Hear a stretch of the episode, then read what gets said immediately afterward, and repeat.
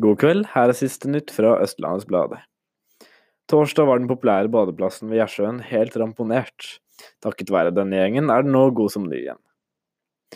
Det ble NM-gull til stavhopper Sondre Guttormsen i NM i friidrett i dag.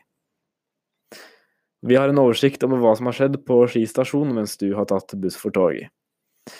Og du kan også lese om at togene i morgen går som normalt igjen, etter lang tids buss for tog, men at det vil gå litt tregere enn vanlig. Hans Petter på 58 fra Krokstad har solgt ved siden midten av 80-tallet. Nå starter kjøret, forteller han.